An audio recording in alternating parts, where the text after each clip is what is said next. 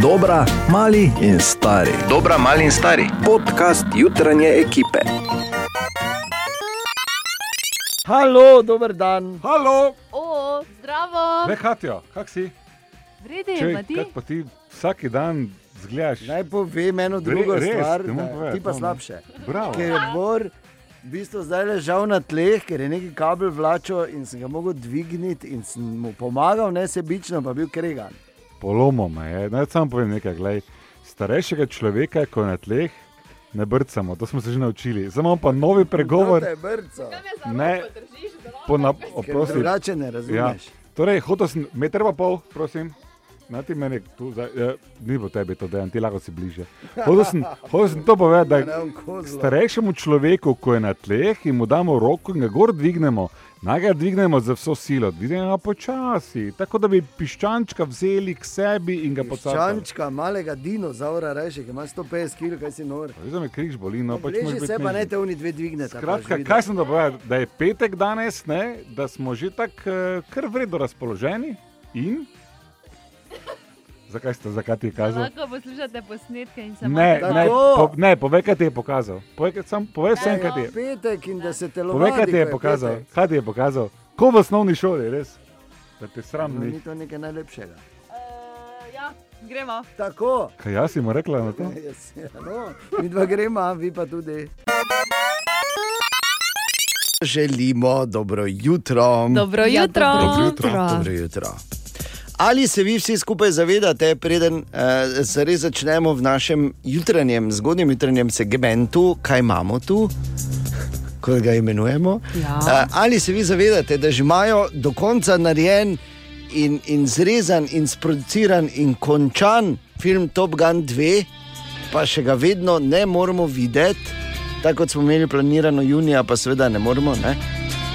Vprašanje je, če ga bomo videli konec leta oziroma, oziroma jeseni. Sovna rano, to je vse, kar bom rekel. To je kar, ja, to je kar žalostno. Oni imajo eh, narejeno- V Avstriji drive-ini že On delajo. čaka tam zdaj. Oni imajo narejeno, bor ti ne razumeš, pa nočejo meni Ja, pokazati. Vem, vem, vem. Nočejo mi ja, pokazati. Kar, kar grdo. Katastrofa. ok, torej kaj imamo tu? Ana, Sovražnik je menjal svojo podobo, resno iz voluharja v. pauža. Če še enega pauža vidim, meni se Ja. bo trgalo res. Ker to so oni brez hišice. Ne? Ja, Lazarji, in, ja, ja. in, in eh, Tako bom rekel, bodi pozorna, kakih sestankov se udeležuješ. Govorim vrt, travnik, se veš, nikoli ne veš, ki se zgubijo, Ja. ja. grupirajo Tako. in oh, katastrofa. Vem, ja, vem, vem. Čutim tvojo bolečino, ker o njej poslušam iz večjih eh, strani, vedno. Ne? gremo Katja, naprej, ker me boli. Ja, uh, jaz sem včeraj pospravljala kuhinjo in sem uh, našla v eni posodi v bistvu nove, Lazarja. čeprav stare nože za rezanje salame. In jaz prisežem, res? da sem najbolj srečna, ker sem pozabila, da so tam in ja, pazi zdaj samo eno stvar. Ne, prste. ne Veš kaj je nož da brez imaš salame? ne? sodelo tako, to je žalosten nož. To je žalosten nož. Nožki ne reže, žalostni. Ja? Še bolj žalostni so pa sodelavci, okay. ne, če me razumeš, ker vejo, kakšne salame so to, o katerih govori. Redu si bom napisala. Bor, E, Jaz sem pa kavo plačal. Oziroma, Ja. hotel sem plačati. kaj, če so malo. Čakaj, Kavo si obeležiti. plačal. Ja, Kaj je čakaj, bil? Fan dosjekle slučajno? Ker takrat se to Ne. običajno zgodi. Pa tu na Grajskem trgu je, je bilo včeraj živahno, kot že dolgo, dolgo, dolgo ne v mestu. Ja. In pač seveda se je malo šlo na kavo, se je kavo spilo in potem si hotel plačati in pravi, ja, s kartico pa ne. In pravim jaz, res, kaj pa te? Zato ker še, glej, še prejšnji teden nisi mogel plačati za cashom, če si se ne vem kako eh, na prste postavil, zdaj pa očitno več ne moreš za kartico.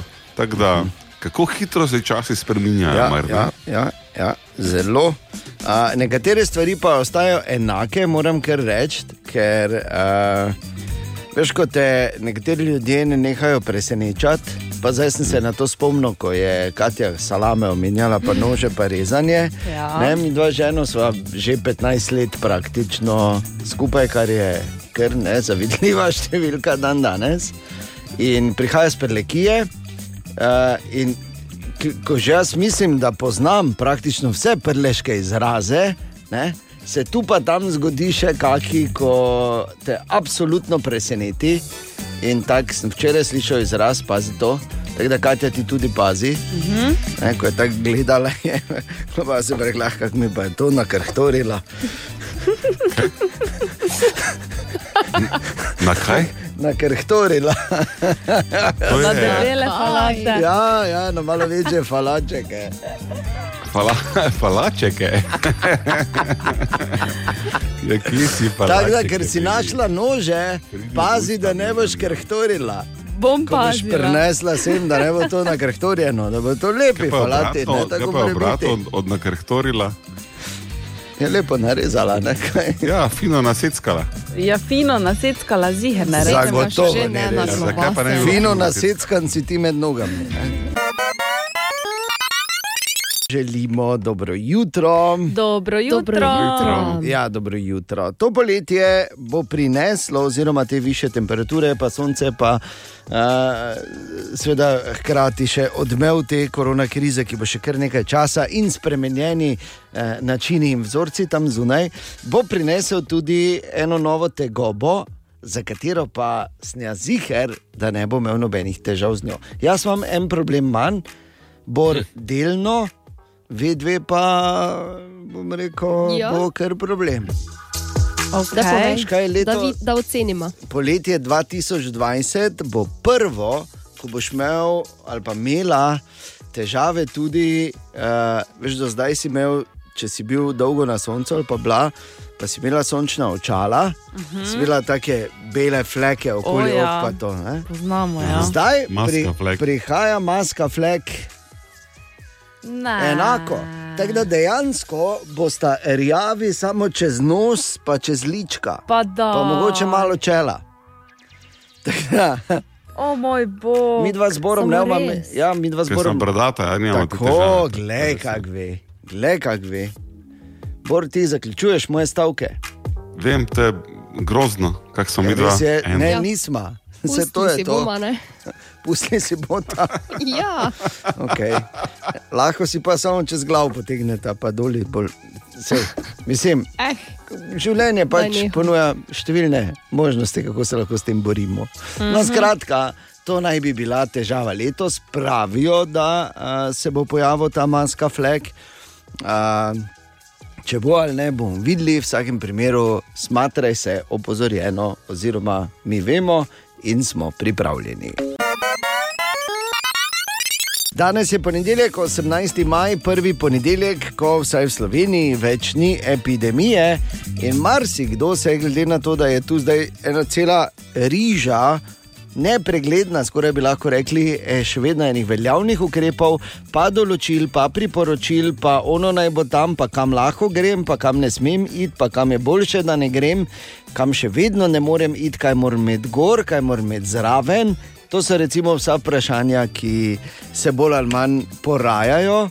In zato ima Sara danes zjutraj eno samo nalogo, da nam pove, Sara, kaj torej prinaša ta ponedeljek, kaj prinaša nov teden. Dobro jutro. Jutro. Ja, morda vi še niste opazili, ker ste res malo, malo zgodni, ampak eh, vsakdo bo lahko danes izbiral prosto po preširnu, kje in kdaj bo spil kavo ali pojedel kosilo. Omejitev, kam se lahko usedemo, namreč ni več, eh, le če bomo upoštevali smernice. Te so sledeče, da je še vedno obvezna nošnja maske oziroma rute pri prihodu oziroma odhodu z lokala ter pri obisku stranišča. Pred prihodom se še vedno svetuje rezervacija mize, tako da ne navrat na nos pred najljubšo restauracijo, pač pa se prej pozanimajte. Ko se boste najedli, plačajte s kartico in pa poskrbite za redno razkoževanje rok. Žalostna novica je ta, da so solatni bari, ruski šanki in pa kakršnikoli načini samo postrežbe eh, zaenkrat na odmoru. Prav tako je onemogočen dostop do otroških igral in pa prskanje med revijami. Ok, se pa po dveh mesecih ponovno odpirajo tudi uh, vse trgovine, tudi tiste, recimo v nakupovalnih središčih, Sara. Dobesedno vse in pravila igre so vsem že precej poznana. Obiskovalci moramo še vedno nositi masko, priporočena metrska in pol razdalja ostaja, prav tako dvodnevna karantena za probana, a ne kupljena oblačila, no naše premikanje po denimo Evroparku pa bodo usmerjale puščice. Z današnjim dnem je sicer ponovno dovoljeno zbiranje manjših skupin ljudi na javnih krajih, omejitev se giblje pri 50 osebah, koncerti in druga zbiranja še vedno ostajajo prepovedana, no ponovno denimo delajo tudi avtošole, tako da je vsaj na papirju zaprtih le malo stvari. In eh, ja, tukaj se mi zdi, da smo se zbudili v tako romantizirano potrošniško jutro, ki meni osebno najprej zadeši po kavi. Meni osebno pa po cipresah, ampak to je običajno, ker je bor zraven. Ampak, Sara, eno vprašanje še imam danes. Je tudi dan, ko lahko ponovno začnejo delati tudi turistične agencije, vodniki pa eh, seveda ogromno ostalih ponudnikov turističnih storitev. Počasi, a ustrajno ja se vrača tudi turizem. Zaprti namreč ostajajo le še obrati nad 30 sobami, tisti, ki se uporabljajo za potrebe zdraviliškega zdravljenja in pa velnesi. V manjših hotelih je sicer obvezna nošnja maske v skupnih prostorih, gostom mora biti vedno na razpolago razkožilo in zaščitna oprema, no v sobah z več posteljami pa bodo lahko nameščeni le gostje iz istega gospodinstva. Hvala lepa, Sara, za vse te informacije. Si slišal, Bor, zdraviliške ja. storitve se vračajo. Pa ne, Yes. to, tako je to zdaj povedala. Ne, me bolj zanima, če bo vreme za penjamina vundat ali ker to, je vse prezgodaj. Benjamina.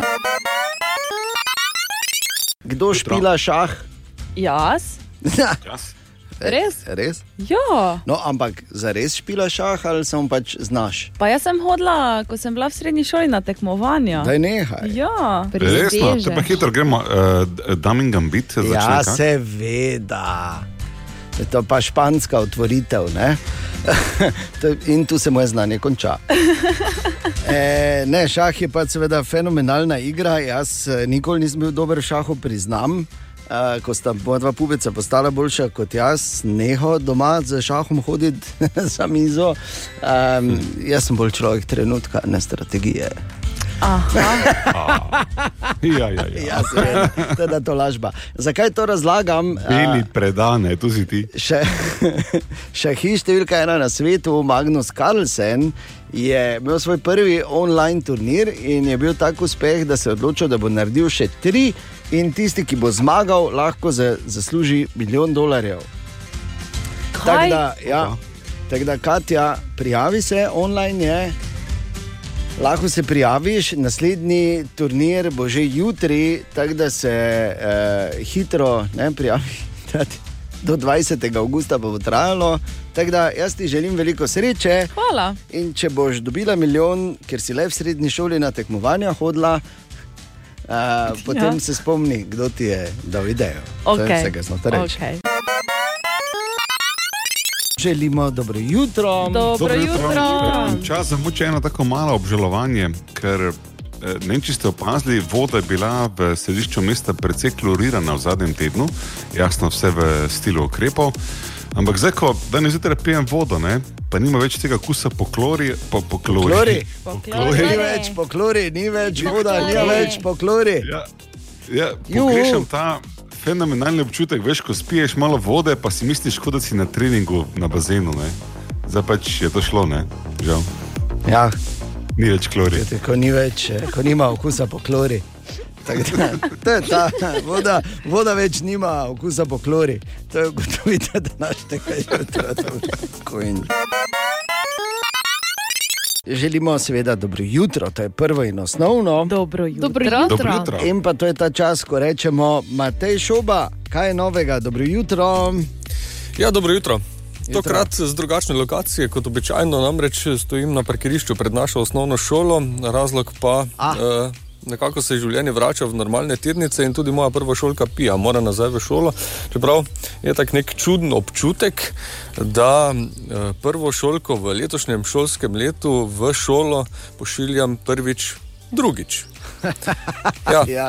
Eh, Prvo, kar opažava, je, da je parkirišče bolj prazno, jasno, manj avtomobilov, ker samo prva triada gre tokrat v šolo. Eh, Je pa taka neka zmes pričakovanja, negotovosti, česa pija. pač danes je vse tako drugače.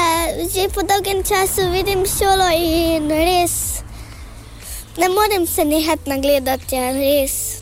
Katero je bilo najbolj pogosto vprašanje zjutraj, ko si se zbudila? Daj gremo v šolo. Okay, tako da se nekako vrača vse v normalne tirnice, pija, tako smo se zmenili, ne? Umivanje rok in vse ostalo, in uboganje učiteljev. Ja, bom. Okay, tako da, ljubčeka, pa uživaj in pridno delaj. Adijo.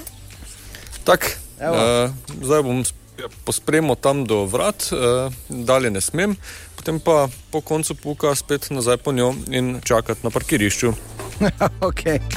Imam Nekaj- samo jaz sozne, imam samo jaz sozne oke. Ali... Nekaj, kar dolgo časa nismo delali. Jaz malo res. Kaj, kaj si ti normalno? Daj. Jo, pa s kom te delam? Pa daj, no, če pa. Pa Sveda je bilo ful Daj, lepo. no, pa Ful je bilo lepo, me samo dajte to se. Kaj, če te to zanigalo, Koliko ti smo smo stari kamen. Seveda me je, samo za razliko od tebe ne morim ljudi okoli sebe z mojimi čustvi. Kviz brez Google. Oh -oh. Ja, Tomaš, Dober dan in smo spet nazaj s kvizom brez Google. Danes je z mano Matic, je prav, ne Matic? Ja, Okay, v vrholah smo, ne? v ali pa na, se ne vem. Oboje. Oboje, ja. ja. Okay. ja. Dobro, Matic, ni važno, važno je, da mi ja nekaj zaslužimo. In jaz ti dam, Matic, 10 evrov, če mi ti poveš, odkot je bil Mahatma Gandhi. Uh, Indija. Bravo, že imaš 10. Okay, gremo malo težje za 20 evrov. Za katero številko bi lahko rekli, da je pod narekovaji Porschejeva številka? Hm? Mm, 911. Tako, 911, klasika. Ne? Ja. Še teže gremo za 30 evrov. Eh, Če se slučajno spomniš, kera je bila prva oddaja, ki jo je vodil Jonas Žnidaršič. Video špon. Bravo, evo, to ja, 30 evrov že, super in še najtežje za 40. Če bi slučajno se spomnil iz šole, po kateri noveli je najbolj znan Ivan Pregl. Kaj je bilo? Ha?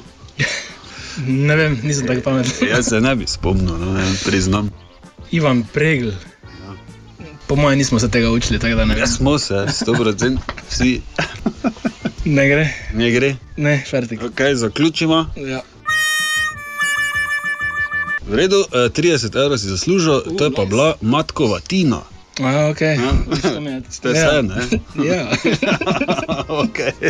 V redu, Matic, hvala ti, 30 evrov tvojih, lepo bodi. Oh, hvala. Adijo. Adijo. kdo se je spomnil matkove tine? In so Jaz ne. roke ostale dol, bilo je žalostno, v zraku je ostal samo von po klori. Kviz brez Google. Oh -oh. In uh, vi veste, in lahko potrdite, jaz sem človek uh, empiričnega, človek, ki. Pardon. Kako se to sliši? Človek, ki ima rad dejstva Ja. in ki uh, ne rad govori, ker tja ven dan in v prazno. Ja, Da nisi ti empirično in vampirično zamenjal, ker je pač zgodaj. Ne, ne, ne, nisem. A, Empirično okay. smislo. In zato pazi, Bor leta, najspektakularnejša izjava zmaga. Bor leta, eno leto, en tekmovalec, ena nagrada. Bor leta. Ja, to je naša najprestižnejša radijska nagrada, ki jo podaljamo vedno ob koncu leta za največji dosežek pod narekovaji. In v zadnjih dneh so se začele širiti govorice tudi po našem mestu, da naj bi sam mojster popuščal. Da odkar je korona kriza, je zelo natančen, nezmotljiv, ne dogaja se mu nič takega v etru. Je res to bor, ne? Mislim, tako se pogovarjajo. Sem. Tako se pogovarjajo, da je zdaj to pač seveda vse skupaj drugače. In kaj bomo z našim tekmovanjem bor leta? In jaz sem šel v raziskavo, da malo pogledam v tem času korona krize, ali je res, da sam mojster niso participirali v največjem radijskem tekmovanju. In moram povedati, kaj bor. Si hotel Seveda kaj reči? Jaz sem vedno zraven. Ja. Ko misliš, da mi nisem, No, eh, naj samo povem, da nas je občutek vse skupaj varal, ker mojster je bil še kako na delu. Zdaj bomo šli, ne bomo šli ravno kronološko, ampak kar tako, malo po dolgem in počes. To vse je bilo odbora in to ni niti približno vse, kar imamo spravljeno, ampak to je bilo v času korona krize. Vsi ti presežki, to je eden. Ampak zdaj, ko danes zjutraj pijem vodo, ne, pa nima več tega kusa po klori, pa po klori. Klori. Ni več po klori, ni več voda, ni več po klori. Ni več po klori. Ali pa denimo. To so bile novice Radia City, ko se dogajamo, ko, ko se dogaja, mi poročamo trenutno doma. Recimo, ne, ko se dogajamo. Se dogajamo. Tako. Tradicionalno se radi med sabo potegnemo, prvi april je znan kot praznik norcev oziroma norčavosti. Pazite. Kaj je te to? Nadalje. V tej državi se je skupno okužilo 6284 oblasti. A, ni čudno, če imamo toliko različnih oblasti. Da... Okay, pazi. V poprečju najvišjo plačo so imeli zaposleni v dejavnosti oskrba z električno energijo, plinom in parom. Plinom in parom. Po, pole, recimo, Pravile so tudi na svete za varno upeljavo otrok v uporabo mobilnih naprav. Danes obeležujemo tudi. Čakaj, zdaj sem zgubo. Ne vsem.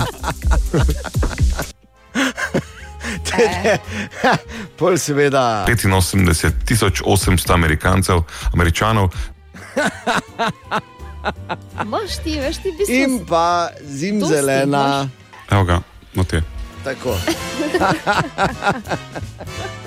In da bi samo drobec tega v, Oj, oj. v zadnjih eh, dveh mesecih in pol, tako da kdorkoli govori okoli, oziroma tisti, ki govorijo uh, okoli, da, da Bor enostavno več ni pravi, ki govorijo, da ne participira, da bo najprestižnejša radijska nagrada Bor leta siromašna.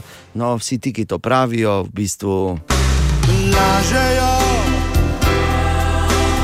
lažejo. Hvala ti, Bor, resno. No, včeraj se je začelo novo, še bolj razširjeno, še bolj odprto in korak proti normalnemu življenju, tako bi ga lahko eh, imenovali tam zunaj. Um, ena od teh stvari, ki so zdaj še bolj odprte, so restauracije, ampak niti približno, pa ni isto. In seveda vsi nismo naenkrat tja leteli, niti ne bi imeli dovolj prostora, zato je to, oziroma kakšna je zdaj situacija tam, preverila Sara. Torej, Sara, najprej dobro jutro. In kaj točno se je spremenilo, povej. Dobro jutro. Jutro. Morda trenutek, moment, ko je za željeno broko izbrani in res nagledani restauraciji bolje poklicati, rezervirati mizo, ker ja, posedanja in čakanja za šankom, točilnim pultom ni več. Če bo iskana restauracija polna, vsaj za zdaj ne bo teh kratkih pijač v prvi vrsti, kot smo jih bili vajeni doslej. Aha. Torej, za šankom več ne, šank runda, torej ta trenutek vse v restauraciji ne obstaja. Katja skri razočaranje.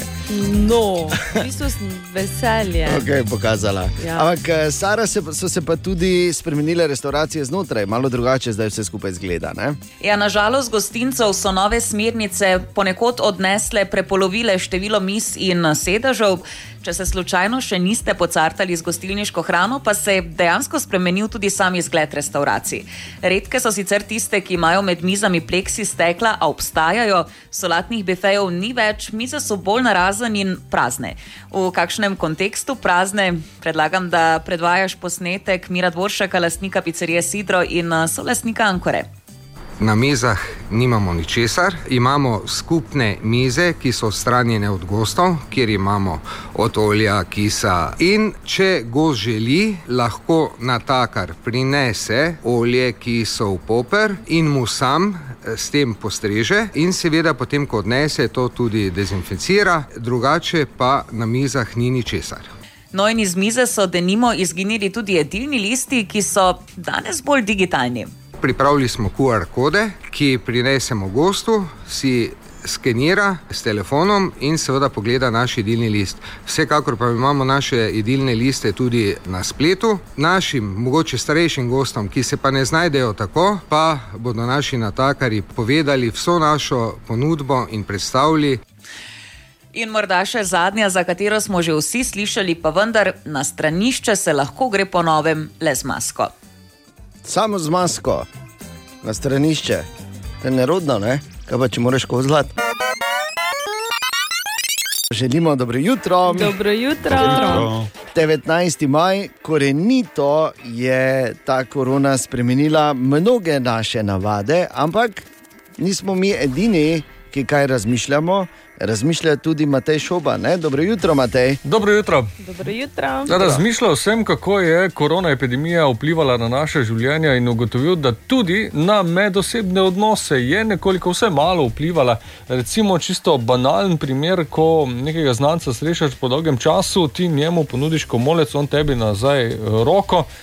Čisto Ja. ja. običajna situacija to ni, vsaj mini zadrega nastane. Ja. Bonton ja. po koroni bo nekoliko drugačen zaradi priporočil o večji distanci in nedotikanju, da bi se pa ponovno na novo napisala pravila lepega vedenja, pa strokovnjak Saša Županek pravi, da ne. Da bi nek no, čist novi bonton zaradi tega napisal, se ne bo zgodilo. Rokovanje na zadnji ni edini način, kako človeku pokazati, da so tvoji nameni čisti, oziroma da prihajaš eh, z nekimi dobrimi nameni. Kot eh, primer pa navaja en tak čisto vsakdanji primer, ko pride recimo človek k avtomehaniku. Ima ravno najbolj mastne umazane roke. Ne bomo se z njim rokovali, pa tudi ne bomo ga počakali pet minut, da si on te roke umije. Torej, še številni drugi načini so, kako to izraziti, ne samo z rokovanjem. Dejstvo pa je, da ko se sedaj ljudje srečujejo, vsaj mali, taki mini konflikt nastane, kajti za sogovornika ni znano, kaj je zdaj, ali je rokovalec, komolčar, objemalec ali kaj četrtega. Da v različnih situacijah je gram spontanosti dosti več vreden kot tona pravil. Ker za določene situacije ne moreš naprej predvidevati. Ne? Nekatere ustaljene oblike lepega, takega spoštljivega vedenja, kot je tudi stisk roke, vsaj za enkrat ali pa za nekaj časa pri nekaterih situacijah odpadejo, zagotovo pa ni bojazni, da bi naši otroci, ki vseeno vsakodnevno poslušajo o teh eh, pravilih nedotikanja in o varnostni razdalji. Pozabili, da je rokovanje še vedno zelo zasidrano v naši kulturi in da tudi v bodoče bo primeren način pozdravljanja. Ja, hvala lepa, Matej, zanimivo. Bi pa rekel, da od iz tega bom najbolj odnesel to modrost, da je gram spontanosti včasih vreden več kot tona pravil. Pa dobro jutro. Želimo dobro jutro. Dobro jutro. Dobro jutro. Dobro jutro. In jaz imam vprašanje za vaju zborom. Če Katera boste dva? pri- eh, Dejan in, dragi A. Dejan in dragi A, okej. Bor. Lahko bi Ano in Bora Zakaj spraševala. ne govarjaš in ne, za tebe, Dejan in tebe Bor, ne? ali pa za vaju z Dejanom. Dobro, dobro, dobro. Pa dobro, ja, kaj res se ti bomo si zdaj že v to piknili? Ja, no, pač, Ja in ne, odgovore imamo. prosim. Ja in ne, lepo tukaj, Da ne bo slučajno spet kam šlo. Dobro. In sicer Ne. eno novo študijo so objavili, kjer so zapisali štiri dogodke, ob katerih naj bi moški jokali. Samo ob teh ali vedno ob teh? Samo ob teh. A, Zdaj pa mislim že samo to, da je samo ob teh, okay. ne, ampak ok. dobro. Torej, me, zanima me, če ja, torej jočeta ob teh dogodkih, oziroma ne jočeta. Vredo? Okay, zdaj upam, ne morbidno preveč. Ja, ni. Ok, gremo, začnimo. Ob izgubi hišnega ljubljenčka. ne. Reči ja, pa idemo dalje. Ja, ja. Okay. Mhm. Bližnje osebe, to je Seveda. skoraj logično. Ja? Ja. Potem pa, ko vidiš prvo sliko ultrazvoka, Ne, Ne. preverjeno. Ne. ko svojo bodočo ženo prvič vidiš v poročni obleki. ja, samo ni to zdaj ono, da šprica. Ne? Ja, si imel sauzno. To pa ja. Ne? Oko. Je to pa ja, seveda. Kdaj sta na zadnje jokala? To pa ni ja in Ko ne. sem bil odgovor. star šest. Kaj je res? Sveda, pa še takrat, ker sem si nogo stran odrezal. Se pa veš. Dobro, Bor pa se tako nasmiha. Bor, Bor tako razmišlja. Ja. Ker je znano dejstvo, da znam jokati na komando. Seveda. Zdaj, Tako da ti tako da ne bi smel sploh odgovarjati. Res jokal na zadnje. Zares jokal? Ja. Po sestanku s šefom.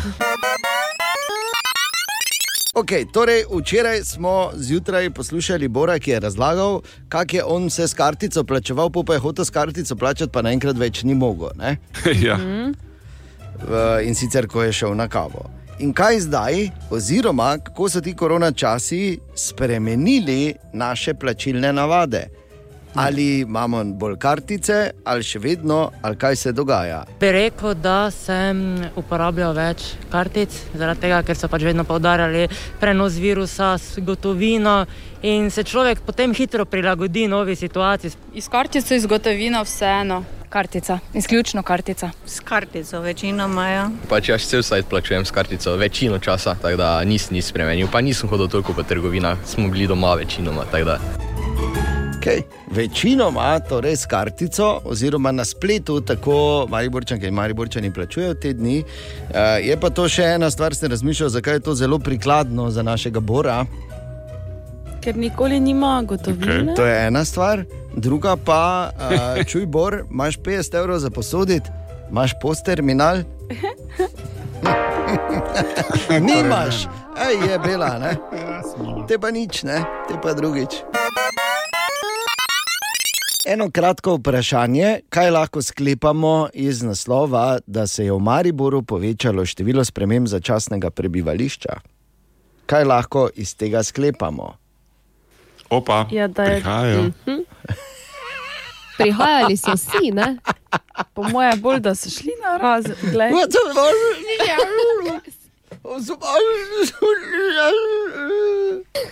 Jaz bi vam vsem čestito Če za te res pozitivne, eh, pozitivne razmisleke.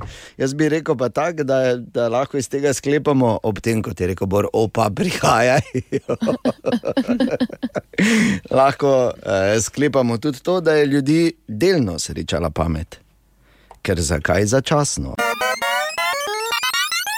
Enostavno moramo še enkrat več v naši družbi pozdraviti enega od teh znanstvenikov, ki smo ga v času korona krize in to je dobro, širše spoznali, če lahko iščemo ali pa moramo iskati pozitivne strani. Eh, Eden najbolj citiranih fizikov na svetu in avtor izjemnega in izjemno natančnega modela gibanja te epidemije, to je dr. Matjaš Perc.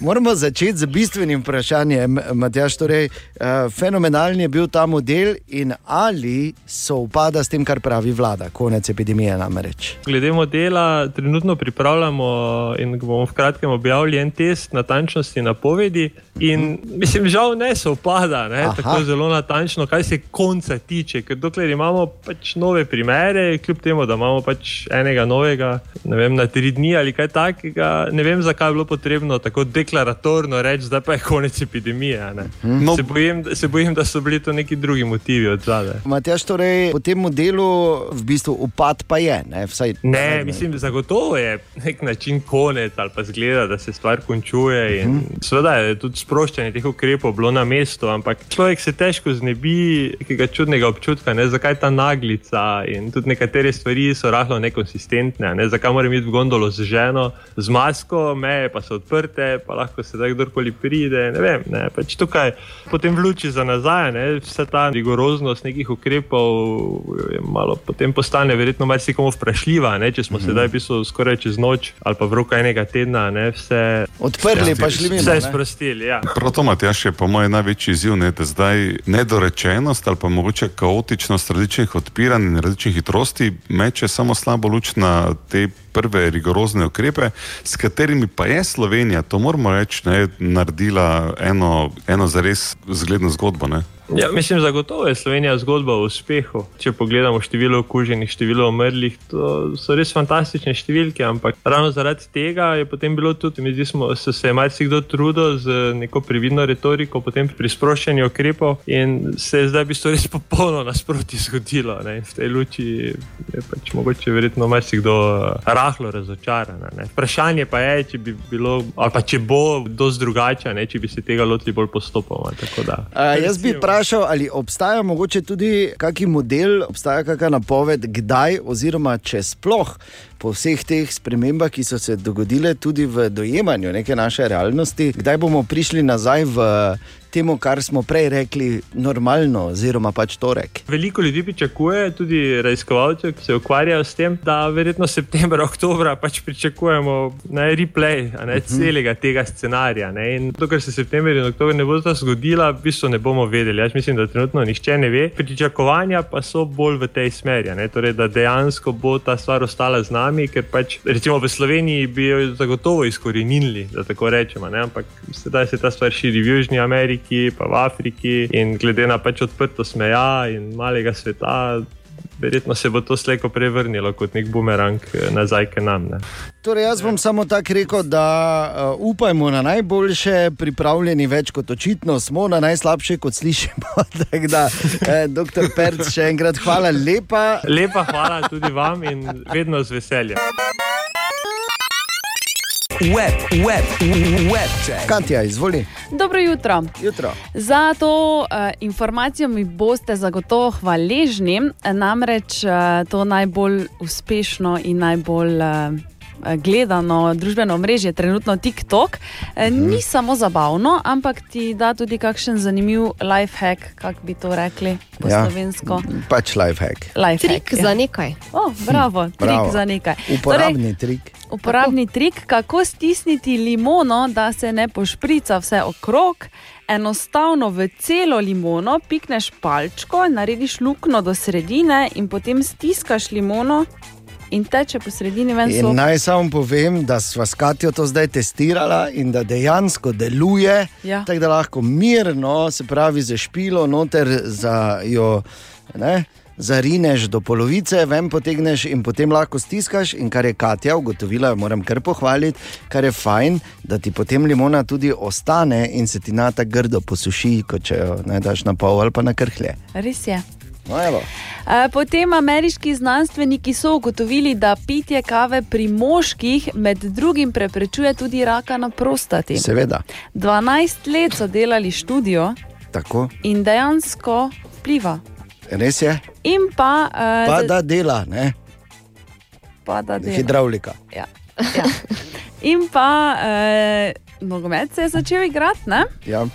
Seveda pred praznimi stadioni, zato so se v enem od nogometnih klubov odločili, da bodo na tribune postavili lutke, tako da bodo igralci imeli vsaj nek občutek, da nekdo navija za njih, ampak niso postavili navadnih lutk, ampak tiste, ki jih lahko kupiš v porno trgovinah. Uf, lepo. Tako da se cel čas imaš navijačice, ki se derejo. Web check. Narečja so zakon. Ha, kva, koga, kaj? Ma ne razumem.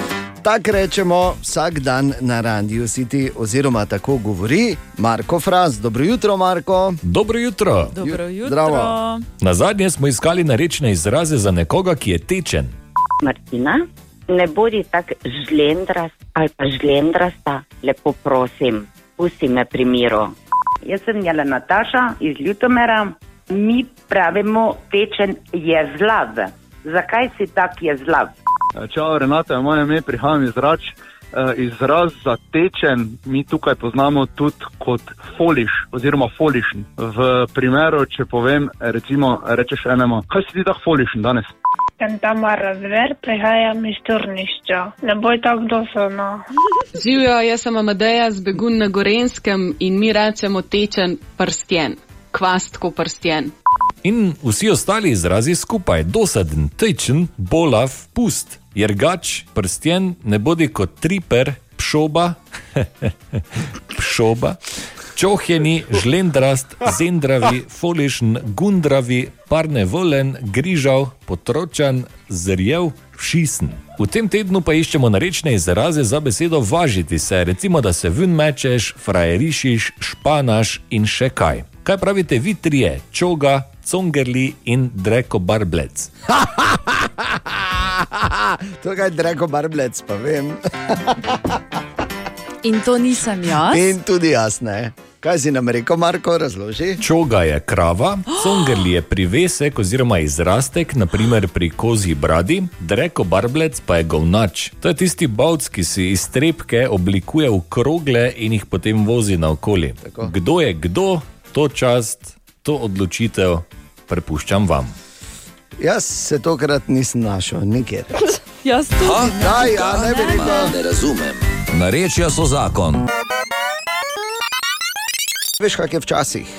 Pride nekdo, nekdo nekaj reče, nekaj se zgodi in spremeniš se v, predstavljaj si sliko, leva v savani, ki naenkrat na široko odpre svoj gobec in ven pride ro, a, r. Okay. V redu. Ampak na srečo, če se to zgodi, nikoli več ne bo isto. Kaj ti v naši jutranji ekipi sploh nisem vedel, imamo strokovnjakinjo za prijemanje različnih udov, ko je situacija ekstremna.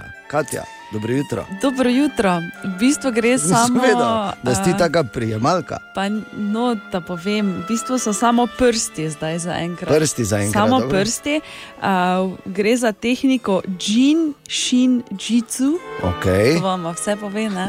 Na džicu sem si mi že kupila, dobro. Ja. V bistvu pa gre za to, da se samo primeš za prst in ga od 2 do 5 minut močno držiš in okay. s tem pač potem Kje pa? Kje pa? A to, to tehniko Kjerkoli, celega. Če te- Ne, celega moraš držati. Celega, Ja, celega ja. moraš Kerega, če sem lev, Če si lev, pol moraš sredinca držati. sredin. Dobro, to jaz sem bi riba. si pričakoval. Torej, če si jezen, prosim. Jaz sem riba, nisem jezen, sam sem riba. Ne, Pa ko se spremeniš, ne po leva, horoskopu. Za čustva se gre. Tako, ko si jezen, ko Ja, za čustva sem rjoveš. riba, imam hrbet boli. Za čustva, o čustvih. pusti govorimo. čustva, hrbet Pa ja, me pa boli. Nisem že tako daleč. A ja, no, okej. zdaj imamo Zdaj, samo ona je čustva. pri čustvih. Ja. Tako? Preko palca se povezujemo s skrbmi. Okay, če imaš skrbi, se držiš za, palca, za Ja. palec, pa Za palec in ne, moraš globoko dihati, ne, globoko dihaš med tem. In imaš naenkrat plus na TRR-ju, super. Dalje. Lažje jih prenašaš. Okej. Tak je. Kazalec je povezan s strahom, če te okay. reče strah, potem torej sredinec z jezo, Ja, prstanec z žalostjo, okay. mezinec pa če si ne samozavesten. res? Ja. Jaz praktično mezinca nimam. Veš, kak je včasih. Pride nekdo, nekdo nekaj reče, nekaj se zgodi in spremeniš se v, predstavljaj si sliko, leva v savani, ki naenkrat na široko odpre svoj gobec in ven pride ro, a, r. Okay. V redu. Ampak na srečo, če se to zgodi, nikoli več ne bo isto. Kaj ti v naši jutranji ekipi sploh nisem vedel, imamo strokovnjakinjo za prijemanje različnih udov, ko je situacija ekstremna. Katja, dobro jutro. Dobro jutro. V bistvu gre samo. vedel, da si eh, taka prijemalka. Pa, no, da povem, v bistvu so samo prsti zdaj za enkrat. Prsti zaenkrat, Samo dobro. prsti. Uh, gre za tehniko Jin Shin Jitsu. Okay. To vam vse pove. Ne?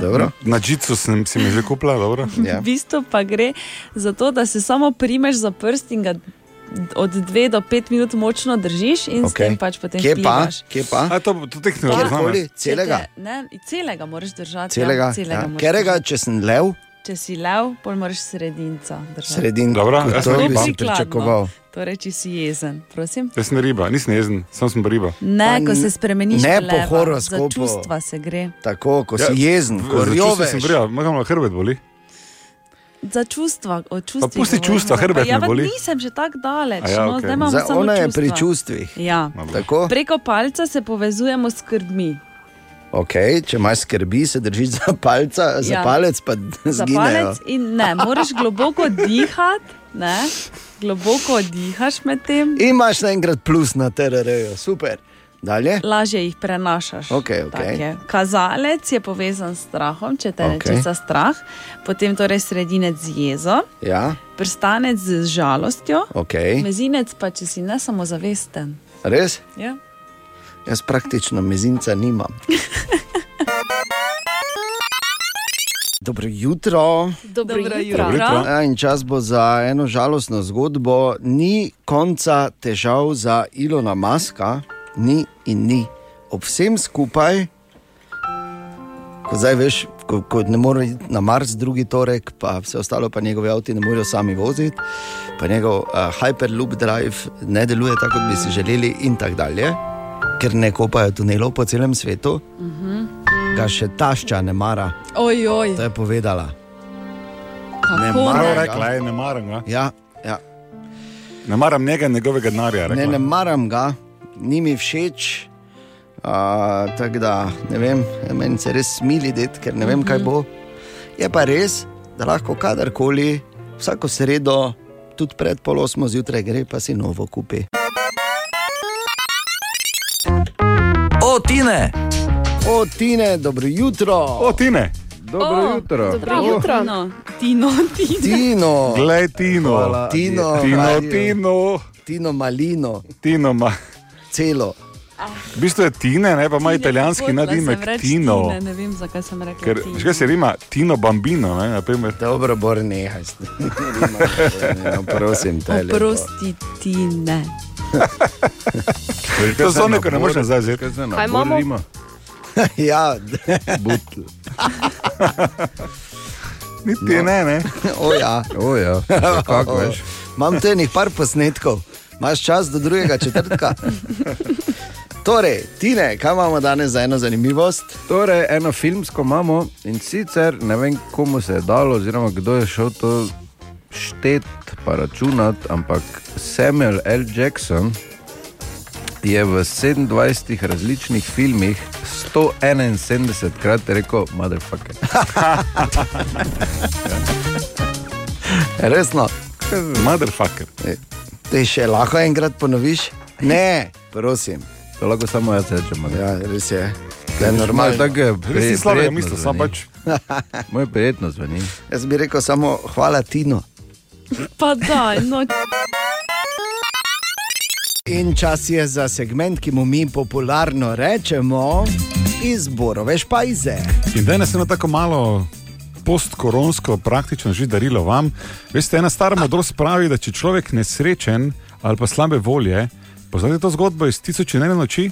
Ko je bil en princ, ki je bil nesrečen in je taval po svetu mm. in ni vedel, kaj naj, in prije slednjič do modreca in ga vpraša, dragi modrec, kaj naj naredim, jaz sem tako nesrečen, ne vem, kaj bi, res več nimam nobenega shoda. In modrec pravi, poslušaj, ti moraš samo najti nekoga, ki ima večjo smolo in nesrečo kot ti. In, in, in so se princu oči odprle in zažarele, in je šel po svetu iskati nesrečne žene. Zdaj pa v tej maniri bi vam samo rekel, kako me je križ boli danes, pa kaj si normalno, crkno bom res. Haha, glej tu, tu je v bistvu ta moment na kupu uh, 800 evrov. Ha! Studio ena A. radia City. Samo malo. Voucherji. Kaj sem, Vsak je vreden. je padlo z narnice. Vsak je vreden, ne, pošte, tebi pade znance malo več, ne Tebi bo zdaj skromni. kartica Ja, vem, samo Pa naredi lukno. kaj je prazno, je nekaj na 800. Krater. Torej 200 po glavi, 800 evrov, trenutno tu sedi in čaka, da gre v akcijo, predvidoma med 1. junijem in 31. decembrom. Teh 200 evrov boš lahko ponudil, ne dobiš, mislim, nimaš jih konkretno, ti ne veš, da jih imaš, samo jih imaš v bistvu, ker boš samo davčno povedal in pol bo teh 200 evrov se materializiralo na računu turističnega ponudnika doma. Um, v celoti boš lahko porabil teh 200 evrov, boš, če si 200 evrski bon, boš lahko v celoti porabljen pri enem. Ne Aha. pol pri enem, pol pri drugem. Bom te pa lahko, kot 200 evrski bon, do drugega kolena eh, delil oziroma podaril. Aha, Se pravi, babica lahko da vnuku. babica, Ja, babica, kaj slišiš? kaj slišite, kaj se zdaj napravljaš? Slišite? Tak, ja. Vikaj, kot se spodobi. Pardon. Skratka, ti voucheri so dejstvo, oziroma bodo, kot kaže dejstvo. In eh, jaz vidim tu veliko veselje pri Kati in Ani, in seveda. veliko skepso pri Boru, z katerega je Nimam 200, babice več. Ja, ti si A ne razočaran. moreš ti meni. Razočaran si, ker ne moreš pobrati okoli, ne morem verjeti. No, ampak v vsakem primeru je to nekaj, o čemer ljudje debatirajo. In mi smo šli malo tudi po ulicah našega mesta, malo povprašali, kaj pa vi pravite, zdaj, kaj bo, oziroma kaj si mislite no, o teh voucherjih. Za mene se zdi dober, ker bi mu prav prišlo. Že to, da spodbujajo turizem v Sloveniji, da ne bo zdaj silili ljudi ven. Mislim, da je to boljše, kot pa če bi dali direktno 200 evrov tem ponudnikom. Uh, ni slabo, ni slabo, v redu. Pri svojih 82 letih sem vesel, da lahko grem v trgovino. Tako da jaz do, do voucherja nimam nobenega odnosa. Se mi ne zdi slaba ideja, ampak ne morem reči, da ni dovolj, ampak je vsaj nekaj za pač neki prispevek za pomoč zraven. 200 evrov ni neki denar, da bi zdaj šel nekam, teri nima. To ni nič. Za nas neki imamo male eh, penzije. Ne? Ker je neuporabno, oziroma kaj če je družine z več otroki, oziroma kaj bodo naredili tisti, ki na dopust ne grejo. Starejši, bolni, kmetje, kje bo ta denar končal? Pa super, kot študentka sem zelo vesela. E, sicer pa ne, to bo na dolgi rok se pokazalo, kaj je brakavane. No, kje bo ta denar ostal pri državi? Ne? Se tudi pravijo, da bodo približno polovico računajo, da bo tudi dejansko zares porabljenih. Ampak ena druga stvar je tudi tu. To je ta fascinantna statistika. Država da denar in okoli pol jih samo porabilo. Ja. Kaj je za me narobe? Vse je treba porabiti z enega centa. Bi samo rekel to, da zdaj pa čakam. Jaz sem težki, teoretično 900 evrov. Resno? Kje, A si ja, ponud, seveda. kje si ponudnik? Prepričaj me, da pridem k tebi, ker jaz lahko grem kamorkoli, ker imam to moč. Imam 900 evrov v bonih, teoretično, in da se ne menimo, še kakih 100-200 zraven, če me razumeš. Želimo dobro jutro. Dobro jutro. Dobro jutro. 21. maj je danes praznik. Na današnji dan moram reči, da sem bil fejsk regan tu v studiu ena, ker se je rekel, kaj je danes uh, Kristusovo v nebo vzetje. Kaj, kaj si ti misliš? On je sam, je sam šel, šel. on je sam šel, veš ti govoril. Če to rečeš nekomu, te lahko kar kamenja. Ja, je rekla Katja. Mislim. Ja. Ja, in torej Kristusov nebohod, tako da čestitke vsem, ki praznujejo, oziroma praznujete ali praznujemo, kakorkoli že. Um, eni celo do te mere, da imajo praznik, tako da denimo v sosednji Avstriji. In ker je danes torej tak dan, je treba zavrteti to, ki sicer to niso potrjene informacije, samo baje je ta priredba še vedno uh, najljubša v bistvu od samega Gospoda. Jezus moj, ti si moj, moj zavedno. Zdaj življenje moje ni več nič poredno. Jezus moj, ti si moj za vse čase. Jaz ob tebi nisem več zaprta vase. Čestitke. In samo eno vprašanje še je ostalo odprto. Ali bomo še mi letos sploh šli v kino? Ja. Kdaj smo na zadnje bili, kaj smo na zadnje gledali? Evo, recimo ti, Katja, kaj si na zadnje gledala? Jaz sem na zadnje gledala Jokerja. Joke. Juj, Ja, dolgo, ja, da vem. nehaj.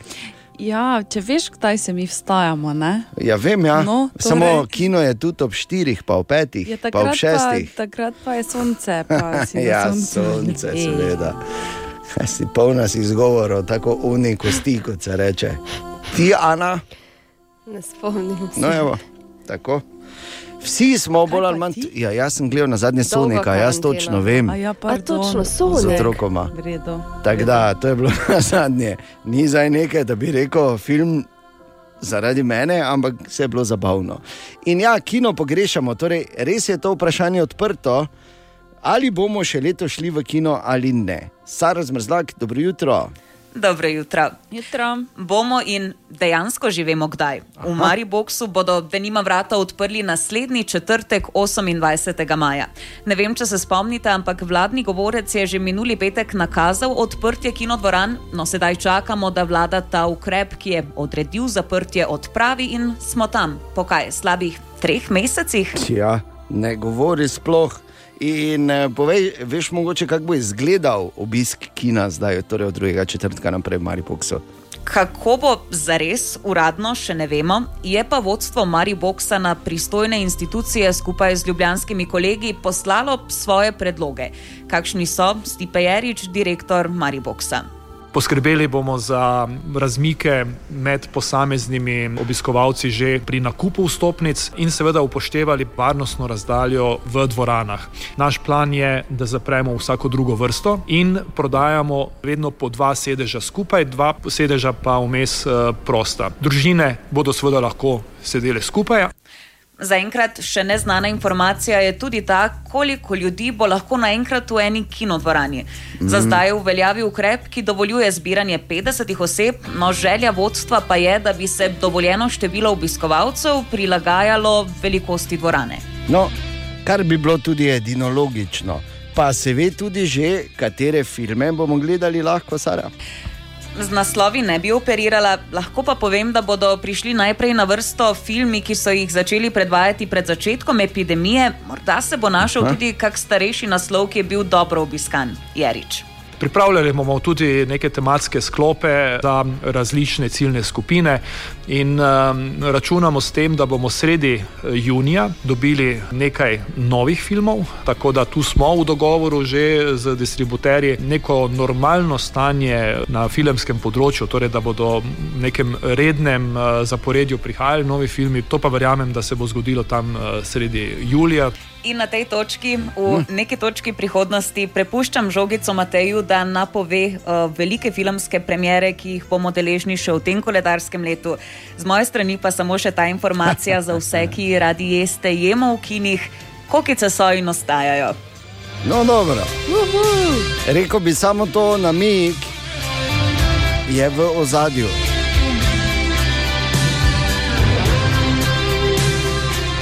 To je vse, kar bom rekel, to je vse, na kar bom nakazal. In direktorju Mariboka tudi, da je to čim prej pripelji. Da ne bomo čakali, ker, smo, ker že skoraj da zamujamo. Ne? Gremo, gremo, če me razumeš. Tako to ni na uh, letalo nosilki, ko pokaže. Uh, to so tako imenovani šuterji, ki izstrelijo uh, letala, ne, torej te boj, ta bojna letala, v bistvu iz tega katapulta, ja. Ja. ki se postavi in naredi. Aha. To se zdaj ni videlo, ne, ampak Ja, jaz sem zdaj ni to. videlo, ja. Sem ga šutno ven, tako da prosim, k malu, Top Gun 2, kaj se čaka. Želimo dobro jutro. Dobro jutro. In želimo vse najboljše. Vse najboljše. Vse najboljše. Ja, komu ne? Ja. Se vseeno, kao sem spil, zdaj daj, še bom proba nekaj reči. Čakaj, no. Čakaj na, malo. Na današnji dan. Na današnji dan. Bor, pred 116 leti so prvič zapisali moto za igro, za svet.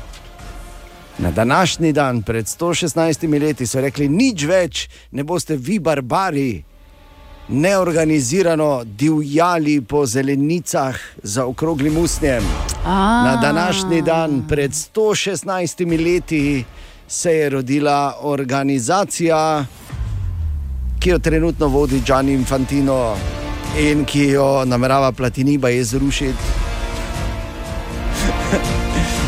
Na današnji dan se je rodila FIFA, svetovna krovna nogometna organizacija. Kaj naprej rečeš, FIFA. FIFA in. FIFA! Ker ima. Ja, no. Ker čakaj, ima- čakaj, tu zdaj prije, Katja, prije, prije. Izvoli. Ker ima FIFA Ima. danes rojstni dan, je samo en, in ponavljam, samo en način, kako bomo to obeležili oziroma praznovali. FIFA 20, kontrolerji so polni, kdaj priješ, gremo, gremo, gremo. Yeah. Ajde, ajde. Ja, no. Ja, kaj si pa mislila? Kaj si pa mislila? Danes se v Danes se eno eno igralo. kaj si nora. FIFA so ustanovili samo z enim razlogom. Da FIFA špila. Da se lahko FIFA špila. Želimo dobro jutro. Dobro jutro. 21. maj je in na ta praznik, ker nimamo še povratne informacije, sklepamo, da je to njegova najljubša playlista. Zato še ena iz tega seznama.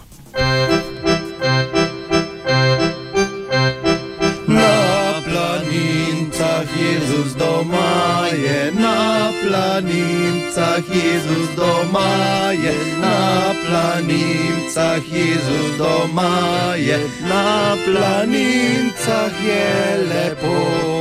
Tam nabira rožice bele, tam nabira rožice bele, tam nabira rožice bele, svetli čarno bo imel.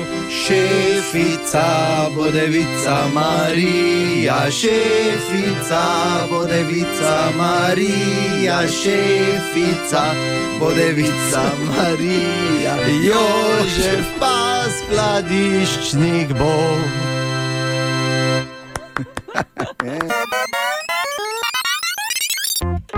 O, Tine!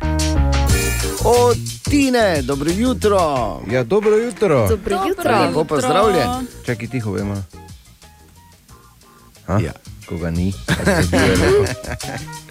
Sva pa s Tinetom videla, da je novo drevo, o katerem se govori, to je rdeči bor, simbol resnice. Ja. Mhm. To se to zmislilo. Ja. Dosti domišljije. Kaj imamo danes, Tine? Tako je, ena malo kripi, oh. kdo ne mara pajkov. Ne, Ka- Katja, idi ven. Ona je resna kandidatka. Arachnofobistka uradna je Katja. Naj samo spomnim, pred časom je Tine rekel, če se med drugo pa tretjo uro po noči zbudiš, je Ne 80, ponavljaj, brez no. razloga, je 80-odstotna možnost, da te nekdo gleda. Veste, kdaj sem se danes budila? Med drugo in tretjo. Na 2,35. Te je kdo zbudil? Mačka. Dobro. Samo gledal sem te. Vsi ti časi so minili, ko so nas muce zbujale po noči. Ja. A so pa nas bujale, o, so, so bili časi. Oh, oh, oh. Tine in? Torej, eh, dejansko je tako, eh, da če bi se vsi pajki na svetu, pa vse vrste pajkov združili, bi z lahkoto nas vse požrli. Resno. Ja. Če bi šli se v strelce postavili, pa bi šli na. Ja. Toliko jih je pa tako, zelo, da bi nas vse požrli. Resno. Ja. Ta trenutek je to pajko, da bi nas lahko požrli. Bi, bi, bi Če se nehali ponavljati? Pa naj se ne združujejo. Toliko pajkov na Predstavljaš? svetu. Če kakšni poslušajo. Ki bi nas uh, lahko z lahkoto požrli. In pol bi pajki eh, prevladali. Sama hudoba. Samo prej ali slej bi tudi oni imeli težave z uh, toplogrednimi plini. tako da. Čas bo za naš novi segment, ki mu rečemo, Katja opazuje, kdo ima zunaj nov album. In Katja, koga imaš danes na muhi? Danes imamo Žana Serčiča, ki je izdal svoj drugi studijski album in sicer iz moje sobe. Dobro jutro, Žan. Dobro jutro tudi vam, vsej ekipi in pa vsem poslušalcem Radia City. Seveda najprej vprašanje, kako si. Jaz sem res, res super. Po letu in pol delanja albuma je danes ta dan izida in res mislim, ne vem, kakšen feeling sploh ne imam, ne vem, če sem še čisto dojel to, da je že album zunaj, uh, ampak eh, nasplošno pa super, hvala. E, Je kar velik moment, to, ko izide nov album. Ne? Je tako, da bi rodil, zelo podobno. Oziroma, evo, vidiš, to je veš, tako, ja, da e, če se zdaj počutim, da je to moj drugi otrok, to je moj drugi album in enostavno uh, imam, imam res en taki, en taki moment, da, vse, da je vse, vse, kar je tukaj, je prišlo iz mene in na nek način se daš kot artist oziroma kot izvalec na pladen s tem, ko pišeš svoje tekste in ko delaš svoje melodije in daš potem to ven. Ne. No, super. In uh, kako bi ga na hitro opisal? Glede na to, da je naslov iz moje sobe, bom samo rekel to: uh, dobrodošli v moji sobi, dobrodošli v moj svet. Moj, moj teksti iz vsakdanjega življenja in moj teksti iz tega, kaj se je meni zgodilo in se mi dogaja in o čem razmišljam. Zdaj, glede na čas, v katerem živimo, me zanima, kakšno je tvoje mnenje o tem, ali je delanje albuma sploh še smiselno. Album kot sam nima več takega namena, kot je imel včasih. Ne? Recimo, smo se glih zadnjič pogovarjali s frendi, ful super, da imaš CD v avtu, ne? zato da ko v bistvu zmrzne šipa, da lahko z njim počohaš dol uh, vodo, ki je zmrzla. ne. Ampak jaz na album gledam res kot en celostni izdelek, ki predstavlja tebe kot artista. Na nek način je to vizitka. Bilo kam prideš, oziroma tvoji fani tebe spoznavajo skozi ta izdelek. Ampak tudi album kot sam je, da danes lahko na različnih platformah predvajan, ne? se pravi Mm. Moj album je izšel danes v fizični obliki, pa tudi na vse online platforme, na iTunes, na Deezer. In mislim, da je tam prihodnost in mislim, da se bo tam slejko prej, eh, oziroma da bo tam album slejko prej spet dobil nazaj to svojo težo, ki jo je imel včasih. Eh, Že mogoče veš, kdaj bo album možno slišati v živo, glede na to, da koncerti trenutno niso dovoljeni. Mi z založbo smo se načeloma odločili, da bomo vseeno delali koncert v živo, ampak seveda v tem času to ni mogoče. Ampak sem se vseeno odločil vsem, ki so prednaročili moj album, dati nekaj posebnega in to je, da vsi dobijo en link oziroma tak tiket za virtualni koncert, ki ga imam danes ob 8. zvečer in je ena taka ekskluziva in govoril bomo o zadnjih komadov in bodo dobili glih to, kaj bi pač dobili na live koncertu. No. Žan, hvala ti za tvoj čas, seveda tudi za nov album. Želimo ti še veliko uspehov na tvoji poti. Bodi lepo in en uspešen koncert danes. Hvala lepa z veseljem. Ja, z veseljem se tudi oglasim, tudi mogoče kaj v živo zašpilamo. Ne, in pa to. hvala za vaš podpor in tudi pozdrav vsem poslušalcem. Čau, čau. Se, se bomo zmenili. No, okej. Kaj mi se veš, šel, sem to reči, da imam jajček že pripravljen, jaz vedno pri roki. Dobra, mali in stari. Podcast jutranje ekipe.